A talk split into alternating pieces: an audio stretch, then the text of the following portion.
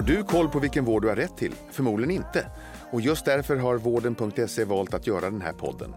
Jag heter Mikael Sandström och är husdoktor i eh, podden Vårddjungeln. Jag får sällskap av andra experter inom vårdrelaterade ämnen och även gäster som berättar om sina sjukdomserfarenheter. Har du som lyssnar en fråga du vill ta upp i podden så mejla fragoratvarden.se. Med detta sagt önskar jag dig varmt välkommen till Vårddjungeln. Nu kör vi!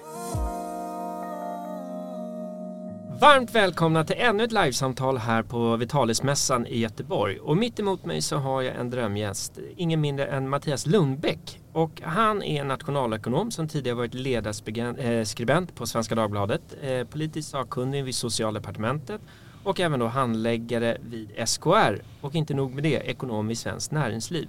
Och nu är du med oss här i Vårddjungeln för att diskutera hur väl skattepengarna används i vården. Tack så mycket. Varmt välkommen. Tack. Tack. Hur är läget? Läget är gott. Ja. Och eh, det här ska ju bli jättespännande att prata om. Eh, och hur står sig egentligen den svenska vården jämfört med andra länder? Alltså i relation då kanske till kvalitet och kostnad. Hur, eh, hur ser du på det?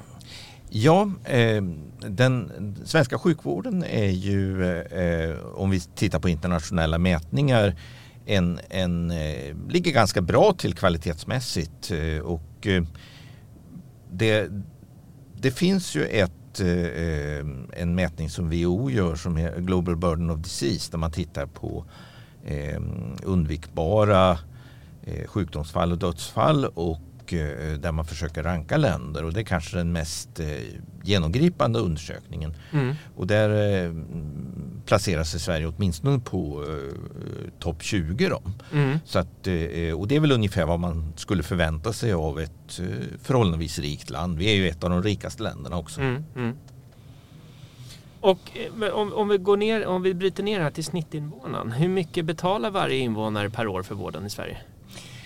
Eh, ja, eh, man kan ju räkna ut eh, bakvägen. Sjukvården kostar ungefär 11 procent av BNP. Ja. Och BNP är ungefär 5 500 miljarder och det finns 11 eh, miljoner invånare. Så det blir ungefär 55 000 kronor per invånare och år. Mm. Men är alla invånare skattebetalare? Nej, så att räknar vi på sysselsatta så, så kommer vi säkert upp i dubbla den summan. Ja. Så att det är en stor del av, av vår inkomst som går till att finansiera hela vården. Ja, det är absolut en, en av de eh, viktigaste eh, offentliga utgifterna. Mm. Eh, och man brukar dela upp det i offentlig konsumtion och offentliga eh, transfereringar då. Och eh, när man tittar på konsumtionsbiten så är ju det här tillsammans med skola och en del annat då, då en av de absolut viktigaste. Mm. Men får vi valuta för våra pengar? Ja, det är, en, det är en bra fråga. Jag tror det är så för, för nästan alla sjukvårdssystem i världen att eh, det finns brister och att det finns väldigt stor potential för eh, förbättring. Och eh, bristerna ser olika ut i olika länder. Mm. En del har eh, problem med att man prioriterar fel, att man kanske konsumerar för mycket, att, man, att fel grupper grupper får tillgång, eller utifrån, ja om man ser till politiska prioriteringar, får tillgång till sjukvård och så vidare. Så att eh, vårt, vårt stora problem tror jag är eh, tillgängligheten men också förtroendet och eh, samordningen av eh, olika insatser. Jag tror mycket av våra problem finns i prim, hur primärvården fungerar. Mm. Men när skulle du säga att problemet med tillgängligheten började? För det är någonting som debatteras väldigt mycket och nu får du rätta mig om jag har fel. Det finns ju olika ersättningssystem för att motverka det här. Till exempel inom primärvården som du nämnde, under en viss period så fick man betalt per besök. Så då gick ju tillgängligheten upp. Och sen så vill man ändra det där så då får man kapiteringsersättning, då går tillgängligheten ner. Men när börjar den här problematiken som du ser det? Ja, eh, jag skulle säga att eh, Sverige började avvika från eh, även från våra nordiska grannländer men också från andra länder under 70-talet eh, när vi genomförde en reform som går under namnet sjukronorsreformen. Okay. Och eh, syftet med den reformen ja, det var ju gott. Det var ju att göra vården mer jämlik och göra avgifterna i sjukvården mer eh, förutsägbara. Mm. Eh, men den hade ju en biverkan och, och, det var ju att den förändrade patienternas eh, relation till eh, sina läkare och till primärvården. Vi gick från att ha en relation med vår eh, husläkare till att ha en relation med vår eh, vårdcentral och det där blev lite mindre personligt och lite mindre förtroendeskapande och det mm. har, har, påverkat vårt förtroende för första linjens eh, sjukvård. Eh, när man tittar på internationella undersökningar så utmärker sig svenskar genom att ha lågt förtroende för primärvården. Då. Och det är ju inte någonting som nödvändigtvis beror på att det är dålig kvalitet eller så. Nej. Utan eh, det handlar antagligen just med det här att man inte har den här lite mer personliga relationen då med sin läkare. Avsaknad av kontinuitet då kanske? Avsaknad av kontinuitet är nog, är nog det viktiga och det får konsekvenser för, ja. för hur patienten uppfattar vård. För det där debatteras ju mycket nu huruvida man ska ha en fast läkare och så vidare. Och jag vet andra exempel i Norden som du säger har ju det. Hur, hur, vad är din syn på det? Kommer det? Är det genomförbart att gå och vrida klockan tillbaka? Ja, eh, jag tror att man eh, mycket väl kan, kan eh, gå i den riktningen och eh, det genomförs ju reformer. Vi har eh, Kommissionen för skattenytta där jag arbetar mm. Eh, kommer snart att ha ett seminarium med lite utblick till våra nordiska grannländer och mm. där kommer vi då kunna se att vi har man har ett annat sätt att organisera eh, primärvården och man har också tagit ett mer övergripande eh, grepp mm. eh, på, på sjukvården. Så att eh, jag tror att eh, vi om vi inte vill gå så långt så att vi går ner till eh, och tittar på Nederländerna, Schweiz och andra länder då som, har, eh, som har, också har husläkarsystem. Vad, vad gör de som inte vi gör? Nu blir jag så nyfiken. Ja, ja, alltså eh, det är ju mm, det finns ju i grunden två sätt att eh, finansiera sjukvård. Det ena är ju det svenska skandinaviska sättet och, och det som britterna har då där man, där man har en skattefinansierad sjukvård. Mm. Och sen så finns det ju... Det är de här 55 000 per 11 miljoner invånare? Ja, då går det ju via, via skatt och ja. Eh, regionalskatt i vårt, ja. vårt fall. Då. Ehm, men sen så finns det också det, det kontinentala sättet med obligatoriska försäkringar. Mm. Och det härstammar ju från ehm, ett system eh, där man var knuten eh, till en region eller där man var knuten till en Ja, lite grann som våra a-kassor kan man säga. Ja. Men eh, de finansierar då istället sjukvård. Mm. Och, och, det blir lite som en försäkringskassa. Egentligen så hade ju Sverige också det systemet innan eh, 1970 sjukronorsreformen. Mm, mm. eh, men de har, de har i grunden ett eh, försä obligatoriska försäkringar eh, som, som då finansierar sjukvården. Och det gör ju att man har eh, en, en aktör som håller ihop hela vårdprocessen och som är ansvarig för helheten. Mm. Det gör ju att man får det lite lättare med prioriteringsprocessen. Jag menar, I Sverige så, så går ju resurser, eh, skattepengar till primärvården, det går till specialistsjukvården, det går till sjukhusen eh, och, och, så vidare. Och det mm. blir väldigt fragmenterat. Mm. Och alla de här aktörerna då, de försöker skjuta över ansvaret på varandra. Sen blir det lite dubbla hattar också med både utövare och beställare. Ja, Eller ja, hur? ja visst. Ja, visst. Och, och, och, man har ju försökt göra reformer och förändra det där så men, men liksom logiken i systemet den är så stark liksom så man faller tillbaka i det här. Och, och, och, och, när det blir, när alla försöker skjuta över ansvaret på någon annan då får man ju den här konsekvensen. Då får man ju vårdköer, mm. alltså väntetider. Mm. Och det beror då på att man inte har någon slags övergripande prioriteringsordning mm. som, som sker på, på individnivå. Mm. Och om du, om du skulle titta då på, finns det, för Sverige var ju för många år sedan så var väl en modellandet hur man skulle bedriva var inte England som inspirerades lite av Sverige inför när de gjorde sin reform för länge sedan? Eller kanske, jag kan ha fått den bakfoten. Men, men vilka är bäst i klassen nu skulle du säga? Ja, jag skulle säga att vi har mycket att lära av eh, holländarna. Mm. Eh, de, de genomförde en stor reform 2005. Mm. De hade ju ett traditionellt eh, kontinentalt system med eh, försäkringskassor. Eh, men då gick man eh, över till att eh, och så hade man, och så hade man en, en del av befolkningen då som hade privata försäkringar. Mm. Då bestämdes man man skulle ensa det här systemet. Mm. gick man över till ett enda system där alla eh, människor då får ansluta sig till ett försäkringsbolag och så finansierar försäkringsbolaget då alla insatser. Och sen är det också en annan sak med, med det holländska systemet och det är ju att man har ett väldigt starkt husläkarsystem. Mm. Eh, man, man bygg, man, väldigt mycket av vården handlar om den koordinering då som husläkaren i samverkan med försäkringsbolaget gör och det gör att man får en helt annan helt annat patientfokus än vad Mm. man får i det svenska systemet. Och där, där har vi ju väldigt mycket att lära oss om. Mm. Mm.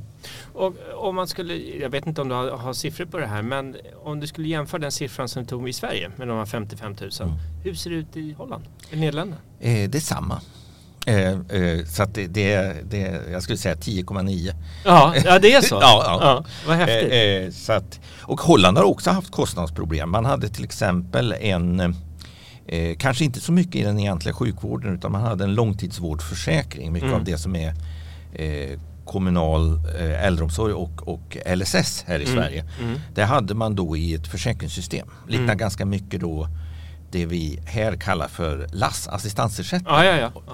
Och eh, eh, det kom man fram till att det var för kostnadsdrivande. Mm. Eh, och, så att man, gjorde, man gick lite mer åt det svenska hållet. Så holländarna har tagit en del av sitt system och inspirerats av Sverige. Mm. Mm. Och gjort det lite grann som vi har med socialtjänstlagen i kommunerna och Mm. gjort, gjort eh, omsorgen till ett kommunalt ansvar. Mm. Eh, så att, och det vore väl lite lustigt om, om Sverige skulle kunna eh, inspireras av Holland på ett Ja. annat område. Ja. Och vad skulle krävas för att man skulle kunna få till en förändring? Eh, ja, alltså när man, har tittat, när man tittar på sjukvårdsreformer, man kan ju till exempel eh, Finland eh, har nyligen infört en väldigt stor reform Mm. där man har eh, förändrat finansieringen av, av sjukvården. Då, och där har man då infört lite grann som i Norge då med, Mm. med den, den reform som de genomförde 2004-2005 Mm. med eh, hälsoföretag Mm. som det heter. Mm. Och eh, man, man, eh, man har väl eh, det man, upp, det man försöker uppnå, det man uppnår lite grann är väl att man eh, får bort lite grann av politiken ur, ur sjukvården och får in lite mer av professionella bedömningar. Mm. Man gör det lite grann som eh, som en bolagsordning snarare Mm. än som ett, liksom, eh, en demokratisk församling kan man säga. Är det för mycket politik i svensk vård? Ja, det kan, ibland kan det nog eh, vara det.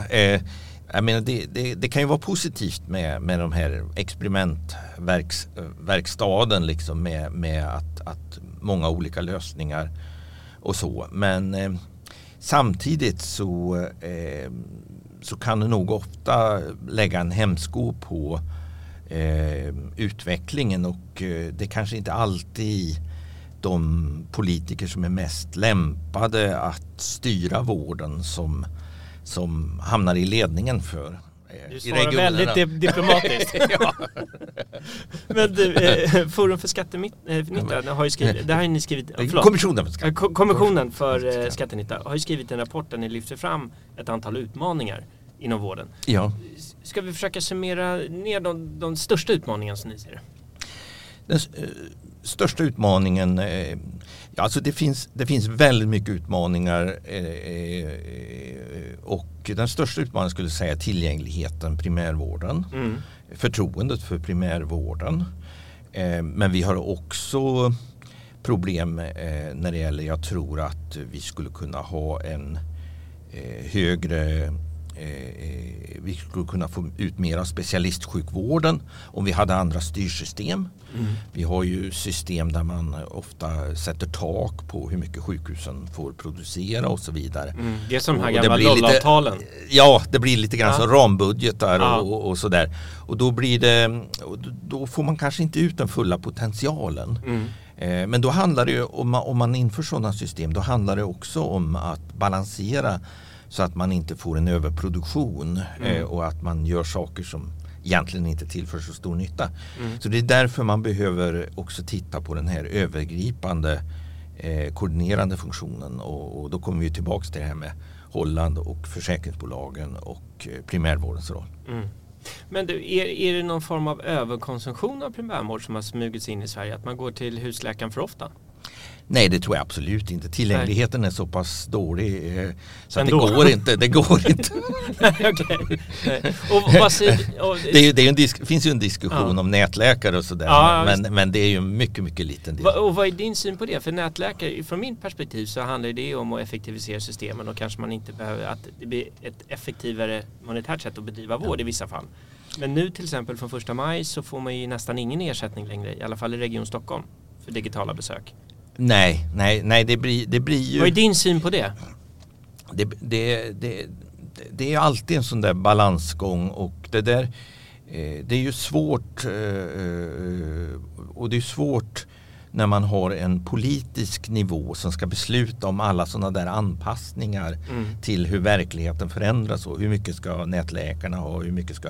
Och där är det mycket lättare då om man har en koordinator som inte är politiskt styrd Mm. som till exempel ett försäkringsbolag då som kan besluta om att så mycket ska det vara för den typen av insatser och så Mm. vidare. Då, får man, då får man en mer då får man en snabbare reaktionsförmåga Mm. i systemet. Och, och så. Så, att, eh, så att det är väl också en fördel då, eh, skulle vara en fördel med att ha ett mer försäkringsbaserat system. Mm. Och, och vi har ju sett siffror på att om vi backar till 1970 då innan 7-kronorsreformen så hade vi 11 000 praktiserade läkare i Sverige. Eh, och eh, idag har vi 44 000 läkare. Så det är en ökning med 300 procent. Eh, och samtidigt så har befolkningen ökat med 30. Hur, hur ser du på, på den utvecklingen? Ja, det är många yrkesgrupper eh, som har ökat ganska kraftigt in, inom vården och eh, delvis är det väl förstås en återspegling av att vi eh, blir rikare. Mm. Eh, men eh, det handlar ju också om att eh, eh, det, vi kanske inte utnyttjar våra resurser på, på bästa möjliga sätt. Vi kanske inte riktigt har den flexibilitet eh, som man eh, har på andra områden. Till exempel om man ser inom, ja, inom IT-sektorn eller någonting Mm. sånt där. Liksom arbetsförhållanden och, och sånt. Så att, eh, och, och det styrs av eh, det styrs av eh, det är väldigt mycket regelstyrt. Mm. Eh, och det gör ju att man kanske inte alltid läkarna befinner sig där de behövs och de kanske inte alltid gör de saker som tillför mest patientnytta. För, för det som, det som står i, ska stå i centrum för sjukvården det måste ju alltid vara vad ger det här för patienterna? Det kan ju inte liksom vara systemet kan ju inte leva för sig självt. Nej. Men för, för det kan man jämföra. Jag har sett jämförelser. Jag har inga exakta siffror. Men till exempel hur många läkarbesök en läkare, allmänläkare har i Sverige jämfört med Tyskland till exempel. Ja. Och det är en, en viss, eller ganska markant skillnad. Ja. Eh, och sen så, nu senaste så alarmeras det från tandläkare till och med som lägger allt mer tid på administration. Ja. Så att de inte har tid att ta emot patienter. Den här administrationsmonstret som vi har skapat. Hur ser du på det? Eller stämmer det? Är det så? Ja, alltså det, det finns ju en jättestor risk eh, i, i, i regelstyrda system och, eh, och det är ju därför man alltid måste ha det här som eh, har skrivit en bok tillsammans med eh, Nils Karlsson på, som är statsvetare Mm. som heter Rätt att välja om sjukvården där vi just föreslår eh, mer av eh, försäkringsbaserad finansiering Mm.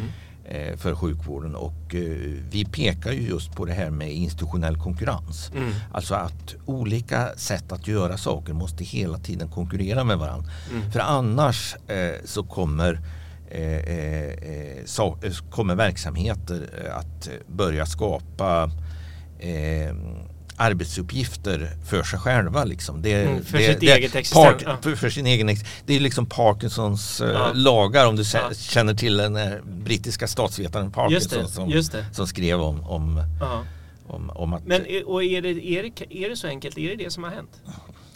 Eh, jag tror delvis så kan det vara bristande konkurrens. Mm. Eh, Eh, eh, och det här är ju säkert inte unikt för sjukvården. Eh, men jag tror att har man, har man, har man, har man mer av målstyrning så kan man också få bättre resultat. Nu ska jag säga att sjukvården är ju inte, den, den saknar ju inte helt konkurrens därför mm. att är man missnöjd med sjukvården, ja då kanske man tecknar en privat försäkring. Mm. Då kanske man eh, eller ens arbetsgivare gör.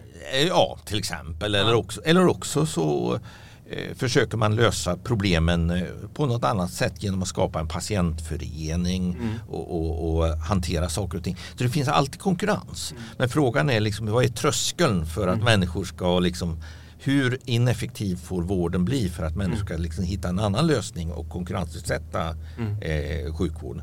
Och där tror jag att man genom att göra det eh, lättare att eh, för, för olika typer av lösningar att samexistera så kan man få en bättre eh, så kan man få en press på verksamheten att hela tiden hålla effektiviteten uppe. Mm. Och jag har bara en avslutande fråga som kräver lite fantasi kanske. och det är så, om vi leker med tanken att det är upp till dig att bestämma, så här ska ersättningen se ut inom primärvården. Hur skulle du göra då? Jag kom på det nu ja. så det, du får säga om du, ja. du får passa på den. Nej då, nej då, absolut inte. Men alltså, det är upp till dig. Eh, så att du Mattias, du har fått det på ditt bord att du ska sätta modellen. Hur skulle ja. du göra då? Skulle du låta den befintliga ligga kvar eller skulle du göra något annat? Jag skulle inte sätta, jag skulle inte sätta modellen utan jag skulle låta ett eh, eh försäkringsbolag bestämma ersättningen till primärvården. Bra! Och så skulle jag lägga, och så skulle jag lägga pengarna som går eh, till eh, regionskatten eh, skulle jag lägga som en klumpsumma hos försäkringsbolaget. Så får de bestämma vad är den bästa modellen för att ersätta primärvården. Och det kan säkert vara en kombination av styckprisersättning och eh, kapitation och mm. Eh, eh, diagnosbaserad ersättning. Mm. Mm. Men det låter som, alltså vi har ju ett väldigt stort försäkringsbolag i Försäkringskassan. ja. det låter som att, ja. ja. Ja, nej, problemet med Försäkringskassan är ju att Försäkringskassan är väldigt regelstyrd. Ja. Och det, det, det, blir inga snabba puckar. Och nej. problem inom, inom sjukvården med överproduktion, underproduktion, eh, teknikutveckling och så vidare. Det går väldigt snabbt. Mm. Och det krävs att någon är eh, snabbt på bollen för att man ska kunna liksom hålla uppe effektiviteten i systemet. Mm. Vilket försäkringsbolag skulle göra det då? Eller skulle det vara en helt ny konstellation kanske? Ja, det är en bra fråga faktiskt. Det finns nog inget eh, svenskt försäkringsbolag som har, eh, eh, eh som har eh, särskilt stor erfarenhet av det här. Men det finns ju, det finns ju några som har privata försäkringslösningar så det kanske mm. skulle vara något av dem. Mm. Jättetack Mattias för att du tog dig tid och kom och pratade om de här spännande sakerna. Tack så mycket. Ja. Tack.